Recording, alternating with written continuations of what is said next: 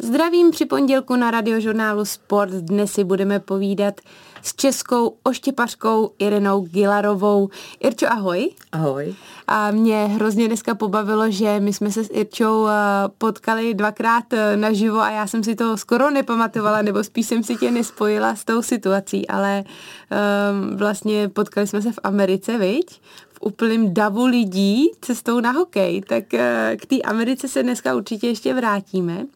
A ty eh, se samozřejmě profesionálně věnuješ oštěpu, mm-hmm. hodu oštěpem, ale poslední tři roky tě sužují dost zranění, eh, brzdí ti kariéru, ale to si díky nim odzávodila pouze tři závody.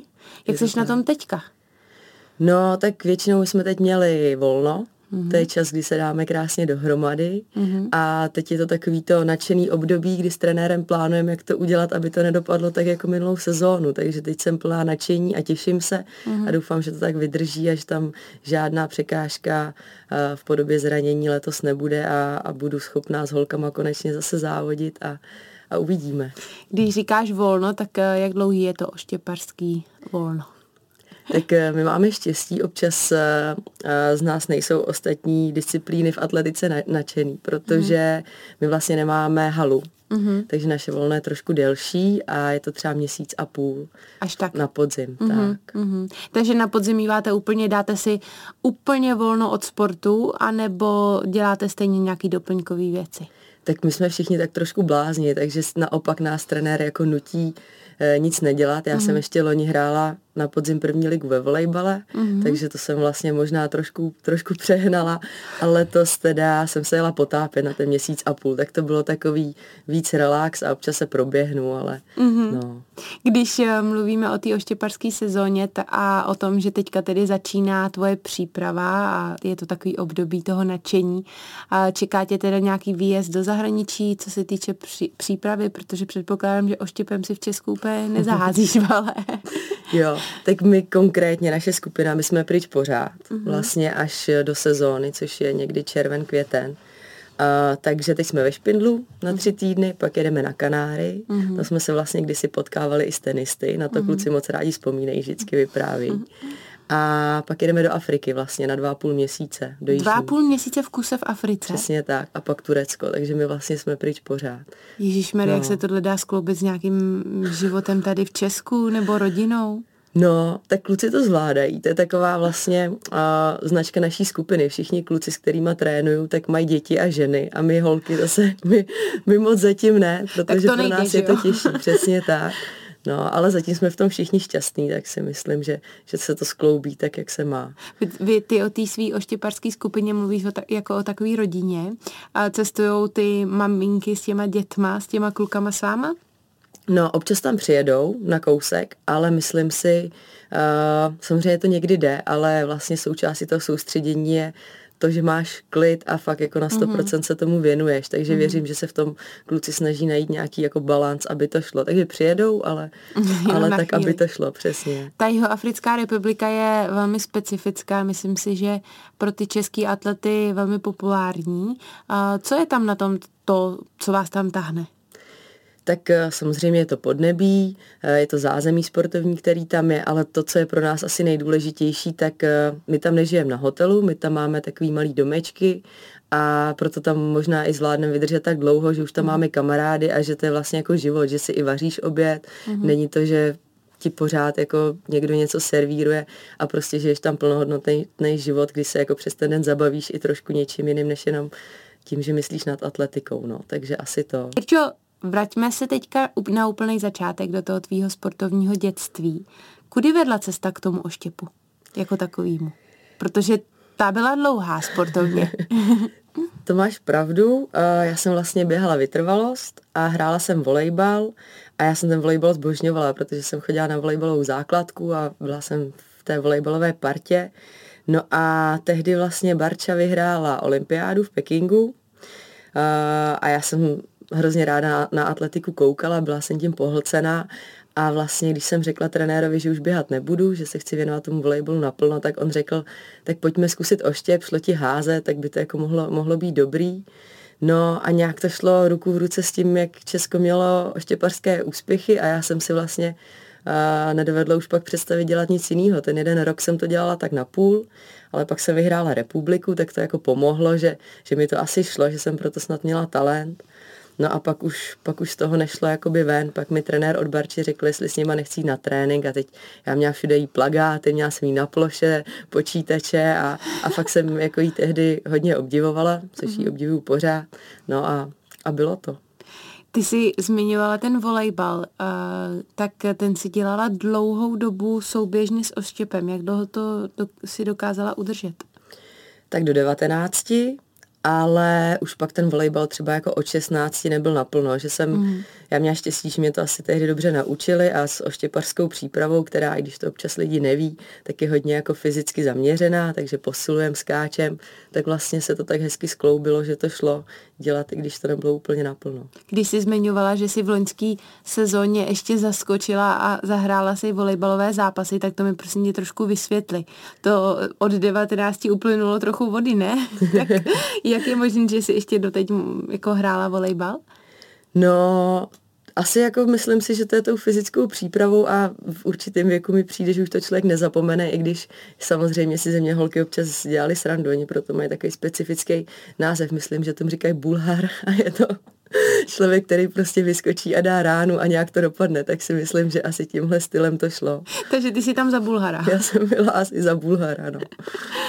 Jak běžný je začínat eh, s tou atletikou nebo s určitou konkrétní disciplínou v takhle pro mě teda sportovně pozdějším věku, protože já jsem s tenisem začínala ve třech letech a už jsem se ho nepustila do těch Jasně. 33. No, tak konkrétně oštěp je založený na všestranosti a to věřím, že to tím potom jakoby jde a vlastně atletiku jsem dělala od 13, ale asi jsem měla štěstí, že jsem měla tu všestranou disciplínu, jinak si jako myslím, že to až tak běžný není, ale když ty děti dělají všechny různé sporty, což já dělala, takže se to tak nějak jako dá propojit. Když říkáš všestranný sport, tak eh, co všechno vlastně příprava na oštěp obsahuje? A teď teda nemluvím, nebo nechci se úplně doptávat, co konkrétně teď trénuješ, ale co by si třeba ty děti po tím měly představit, nebo ty rodiče, tak, že by měl oštěpař mít v sobě. Tak já to nejvíc jakoby uh, přirovnávám k víceboji, že mi vlastně ten celý náš trénink uh, tak je hodně vícebojařský, takže opravdu děláme všecko a ten oštěp vlastně až ve finále to poslední, co my v té přípravě děláme, což děláme až v Africe a do té doby je pro nás důležité, aby to tělo prostě bylo připravené. Ale to si myslím, že je i hodně česká škola pana Železného, uh-huh. že konkrétně třeba Němci, tak ty jsou víc do toho jako oštěpu od začátku zaměřený. Uh-huh. Ale vlastně i zdravotně a celkově tím, jak k tomu trenér jako přistupuje, tak prostě pro nás je základ, my hrajeme i hodně ty hry, i ten volejbal je třeba jako podporovaný a no. Uh-huh. Irčo, ty už si to dneska naťukla, uh, že tvým velkým vzorem byla Bára Špotáková. Byla opravdu třeba tím rozhodujícím článkem v tom, jestli půjdeš do toho dělat oštěp? Jo, já si myslím, že jo, protože já vím, že to jako může znít bláznivě rozhodnout se kvůli tomu, že máš nějaký vzor, ale Uh, I třeba v cizině, když se mě ptají, proč oště, protože pro ně to nic jako až tak neznamená, tak já říkám, no ale u nás je to prostě jako hmm. to gro a, a za mě, když jsem koukala na atletiku, tak já fakt jako neměla jinou možnost a tím ještě, že mi to asi šlo, tak, uh, tak prostě jsem měla jasno. No ještě Barča, což si myslím, že je hrozně důležitý, když ten člověk je jako i dobrý člověk, nebo uh, to, jak komunikuje v médiích a to mě jako hrozně oslovilo takže to byl vlastně pro mě i vzor nějak jako morálně. A... Takže na tebe dělala dojem ze všech eh, vlastně pozic, který ona... Přesně. Uh, ty si říkala, že jsi měla její plagáty doma? Měla. A její to občas jako, my jsme kamarádky teďka už teda a ona to hrozně nerada slyší, když jí tohle všechno jako někdy připomenu, takže jo. Tak měla. je to takový zvláštní. Je, je, souhlasím. Ale zase mě bylo 14, tak to se dokáže odpustit snad. No. jo, do toho se dokáže vcítit, doufám, i Bára Špotáková. A každopádně teďka spolu, samozřejmě než ona ukončila kariéru, což není tak dávno, a jste byli v tréninkové skupině nebo ne? Jak moc jste se vy dvě do, v tom oštěpu potkali? Mm-hmm. Tak my vlastně kdysi jsme byli, když ještě byla u svého jakoby prvního oštěpařského trenéra, tak tam jsme spolu trénovali. To jsem právě ještě byla z pozice toho, kdo zlížel nahoru a ani jsem si skoro netroufla na ní mluvit. A pak vlastně se to nějak oddělilo, já jsem šla i do Ameriky a teď už si myslím, že jsme jako fakt spíš kámošky. No. Mm-hmm. I vlastně máš v tom oštěpu potkáš spoustu lidí a zrovna s, Bar- s Barčou si myslím, že si jako rozumíme, že jsem byla i teďka na rozlučce její a mm-hmm. no. Další obrovský jméno oštěpařský a vůbec v Česku sportovní je samozřejmě Jan Železný a ten se před pár lety, je to tak, stal tvým trenérem. Mm-hmm. Uh, jaký tohle je, protože ano, spoustu holek možná obdivuje Báru Špotákovou, ale když se řekne Jan Železný, tak to mám pocit uh, asi i z mý, mýho věku, tak uh, to je snad ještě větší persona. Uh, jaký to je mít za trenéra takovouhle legendu? No, je to úžasný. Je to úžasný jakoby v tom, že nepochybuješ a troufnu si říct, že všichni v naší skupině to tak máme, že prostě jako ho, mu věříme, všim, mm-hmm. co on jakoby řekne a to si myslím, že i hrozně pak pomůže tomu tréninku, když o tom nemusíš pochybovat, což věřím, že u jiných trenérů často máme. Kde myslíš, že on bere takový ten recept, protože pod jeho rukama už opravdu včetně té báry uh, odházelo spoustu olympijských medailistů. Uh, na olympiádě v Tokiu jsme skoro zachránili ty medailové uh, naděje oštěpem. Tak jaký je ten jeho trenérský styl? Jak bys to popsala?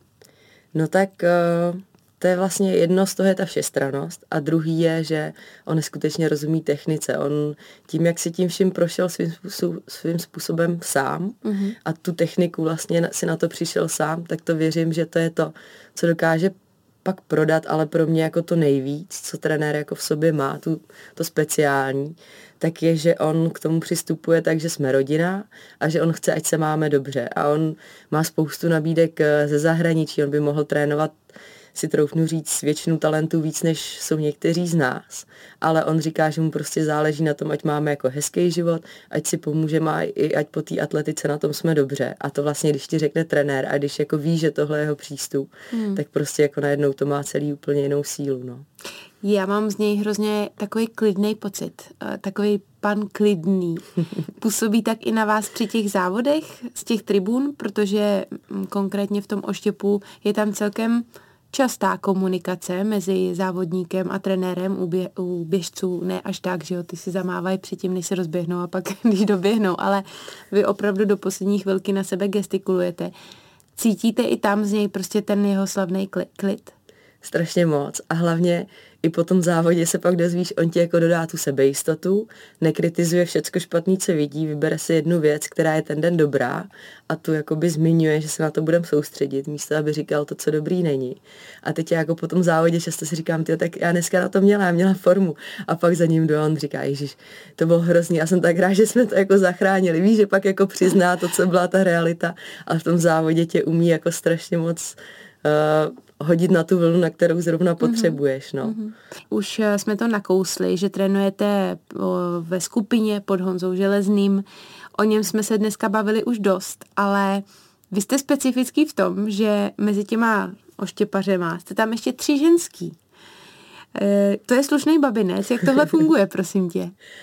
Ty jo, tak samozřejmě už je to pár let, takže jsme si museli najít i cestu, protože jsme holky, tak občas jako nám to úplně tolik nešlo. Ne. Ale, ale nic ve špatném, jenom mm-hmm Prostě přiznejme si to, někdy, někdy babinec. je to těžší, babinec, přesně tak bych to nazvala.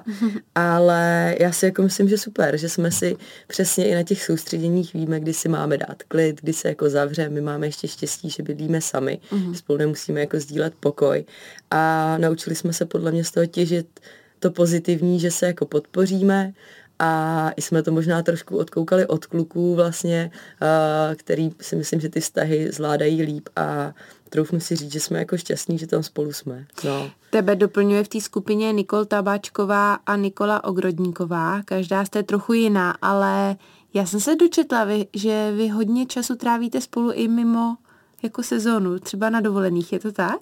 To jsme byli tři roky zpátky, uh-huh. že jsme společně jeli do Indonésie, že se nám to tak sešlo a bylo to jako super, my máme i docela společný zájmy, eh, že máme rádi potápění a teda teďka už každý trošku jiným směrem to potápění.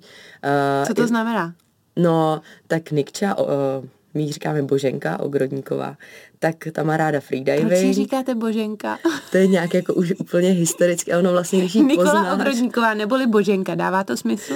ono to jako si přinesla už jako z nějaký dřívější party, ale ona je taková, jak to říct, jakoby princezná a jmenuje se Nikča, prostě jméno Božena k tomu absolutně nejde. Takže je to takový paradox, až jí tak říkáme a nějak se to chytlo, takže mm. Boženka ještě máme dvě Nikči, tak mm. to asi jediná cesta, jak jí můžeme říkat. Tak eh, ona je freediver, já mám ráda přístrojové potápění, takže se nám to jakoby rozešlo, ale ona se umí i přístrojově potápět, takže teď třeba na Kanárech plánujeme, že se půjdeme zapotápět o víkendu, když je volno a tak. No. A druhá Nikčeta se taky potápí? Ta měla ráda tak na půl i freediving, i přístrojový, tak, se tak jako víc okrajově, ale jako zapadne to, takže se nám to sešlo. No a my i říkám, na tom soustředění rádi jdem na kafe a prostě bez toho to nejde, aby jsme to tam zvládli, tak to No, je pravda, že nejde o ty uh, válecí dovolený. Je to zajímavý. Dostane se, se k tomu potápění i třeba v té Africké republice, nebo tam jste moc daleko od moře? Jsme daleko, ale já jsem se tam potápět šla, protože vlastně jak jsme tam dva půl měsíce, tak dostaneme čtyři dny volno třeba, takže jsem měla do Kapska, protože Kapsko zbožňuju, kamarádka tam kousek žije, tak tam jsem se šla potápět. Jednou to bylo skvělý, to bylo do klece s bílejma žralokama. To teda jako jsem strašně šťastná, jsem si to splnila, protože teď už tam nejsou a jednou uh, s lachtanama. Mm, no, tak. Mm. Myslím, že to byl lachtani, já to neumím česky, ti, se mi to plně. Jo, ti bílí žraloci, to je taky můj sen, manžel to zažil. No ale zpět k oštěpu tedy. A trénovat ve stejné skupině s dvěma dalšíma holkama, se spoustou kluků, který si sebou vozí rodiny, uh, znamená to výdat se tedy s těma holkama každý den? Mhm, určitě. Děláte spolu všechny tréninky, máte jakoby identický ty tréninky? Máme, i když teď vlastně na podzim, jak začínáme, tak ráno trenér řekne, kdo chce jít na kolo, kdo chce jít na výšlap, takže každý se to přizpůsobí, jak vlastně to tělo se zrovna cítí, ale pak v určitý fázi té přípravy, jo, házení chodíme každý sám, aby kouč měl na nás čas, mm-hmm. ale jinak eh, každý ten trénink vlastně chodíme spolu. Mm-hmm. Irčo, ty máš za sebou čtyři roky ve Virginii na univerzitě v Americe. Jak tenhle nápad vůbec vznikl, odejít na univerzitu s atletikou? No, mě to tam nějak vždycky jako táhlo, že prostě jsem to tak, já nevím, teď to bude znít zase paradoxně, začala to bárou na plagátech, ale já věřím, že tyhle malý signály jsou jako to, co nám říká, co máme dělat. A já jsem vždycky koukala na ty americké filmy a teď tam ta prostě nafouknutá Amerika, ta kultura americká a prostě mě to tam táhlo. A já věděla, nebo myslela jsem si, že tam nikdy nepůjdu, protože mám výborného trenéra, jsem ve skupině s Bárou a dala jsem si tam takovou tu hranici, že jako nic víc nemůžu chtít. Jsem v Česku nejlepší oštěp, tečka, nevymýšlej blbosti. No, ale pak jsem měla to štěstí teď už, že vlastně jeden rok postřední jsem nestudovala, protože jsem se chtěla vrhnout na atletiku a věnovat se tomu naplno. Jela jsem poprvé do Afriky vlastně po druhý s panem Železným, i když jsem byla s panem Černým ve skupině. A a myslela jsem si, že prostě teď to bude ta sezóna, to je ono prostě. No a já jsem to hrozně pokazila. Vůbec mi to nešlo, byla jsem vlastně zaseknutá na těch metrech, co jsem byla rok předtím, i když jsem maturovala a měla jsem toho spoustu a já jsem zjistila, že to jako asi není moje cesta. Být jenom jako ponořená do té mm. atletiky. No a tehdy jsem ubrečená odcházela z mistrovství Evropy, nepostoupila jsem do finále. Potkala jsem amerického trenéra z Virginie, on řekl, hele tak a nechceš? Já jsem s ním komunikovala už kdysi a řekla jsem, že ne, říkám, a tak vlastně jo, co já jako tady. Takže zase to bylo jaký spontánní. To teda. No, ale zase mě to dovedlo, kde jsem měla být a, a já jsem hrozně šťastná, že vlastně tenhle fail v tom roce 2013 nastal. A ty si díky oštěpu získala na té univerzitě tedy stipendium a mohla si studovat zadarmo? Přesně. A vlastně to není jenom studovat zadarmo, ale i dostaneš peníze na život. A vlastně ty roky já jsem poprvé rodičům hrozně ulevila i jako mm. finančně a, a to možná jako rozhodně to jako není hlavní součást toho, jakou ti to dá mm. životní školu, mm. ale... Ale je to dostupné pro vlastně každýho, kdo na určitém levelu je schopný sportovat. Přesně tak, mm-hmm. tak. A jsi zpětně teda za tu zkušenost ráda? Nemáš pocit, že ti za ty čtyři roky tady něco uteklo a oštěpařsky? tak třeba jako můj trenér to podporuje, a řík, ale zároveň říká, nikdo neví, kde bys byla, kdyby si ty čtyři roky byla už u mě. Ale já jako říkám, a nechci se jako rouhat, ale prostě i kdybych teď třeba jako přivezla medaily, což je můj obrovský sen a možná jako někdo nepochopí, co teď řeknu, tak pro mě to vzdělání, který já jsem tam získala, abych to dala na stejnou úroveň, protože já vím... Já to ale úplně chápu. No. To tak... přece, jako myslím si, že v určitém věku se to musí vyrovnat. Někdo, já jsem přestala studovat vejšku v půlce, takže nemám nic ale naštěstí mám třeba zrovna tu medaili a pak už jsem to brala po kariéře vlastně jako někdo nosí diplom, někdo nosí ty medaile. Jo, ježiš, ale je to no, trošku tak. Souhlasím. Doporučila by se začínajícím atletům a teď už teď nemluvím jenom o štěpařích a atletech, mluvím o vlastně sportovcích jako takových. Jo, tak tím, že já to tak cítím, já fakt si hrozně vážím toho, že až skončím s atletickou kariérou, tak se hrozně těším na tu kariéru, která doufám mě čeká v tom oboru, co jsem vystudovala. Což já, je? A, mezinárodní vztahy a hm. politologie. A já vlastně i teď tak trošku to dělám, že jsme, jsem měla to štěstí, že jsem potkala Honzu Koukala a máme takový projekt, kde se snažíme těm sportovcům, nejenom atletům, tohle nějak víc přiblížit. Rozhodně nechci nikoho přemlouvat, ale pro mě to byla ta cesta a a snažím se, pokud o to někdo má zájem, jim to jako vysvětlit a přiblížit, protože... Mm-hmm. Jsi schopná teda eh, skrz tu práci, kterou děláš, jim to i zprostředkovat? Máte kontakty na ty univerzity a dohazujete sportovce tím směrem? Máme. Teď vlastně jsem byla na dovolení v Mexiku a při cestě domů tak jsem naštívila i Yale, Harvard, Princeton, takže a snažíme se to dělat nějak dobře asi, mm-hmm. jestli to dává smysl, no, mm-hmm. aby, aby ta cesta byla ta dobrá, protože já měla štěstí, že jsem měla dobrýho trenéra, dobrou univerzitu, mm. ale vím, že ne, ne vždycky to štěstí takhle nás potká. Takže... Když říkáš, že jsi tam měla dobrýho trenéra, tak eh, jak moc se liší ten přístup právě třeba k oštěpu v té Americe a tady, protože já jsem četla, že jsi snad dokonce i trenérovi musela některé věci radit, nebo říkat ty. Tak, to je možná i to, jak myslím, když říkám, že jsem měla dobrýho trenéra, že respektoval, že jsem měla zkušenost s panem Železným, že technicky mi asi jako předal hodně mm-hmm. tehdy mm-hmm. a takže to se mnou konzultoval. Tak na druhou stranu on byl dobrý na tu strukturu, byl schopný mě uklidnit, já jsem tam dospěla tímhle směrem, a, ale byl otevřený tomu o tom komunikovat a to si myslím, že je důležitý. Mm-hmm. No. Irčo, pojďme se vrátit eh, k olympiádám. Vrátíme se k olympiádám. Vím, že máš jednu za sebou, tu v Tokiu. Byla to tvoje první olympiáda. Eh, jak bys ji zpětně teda ohodnotila?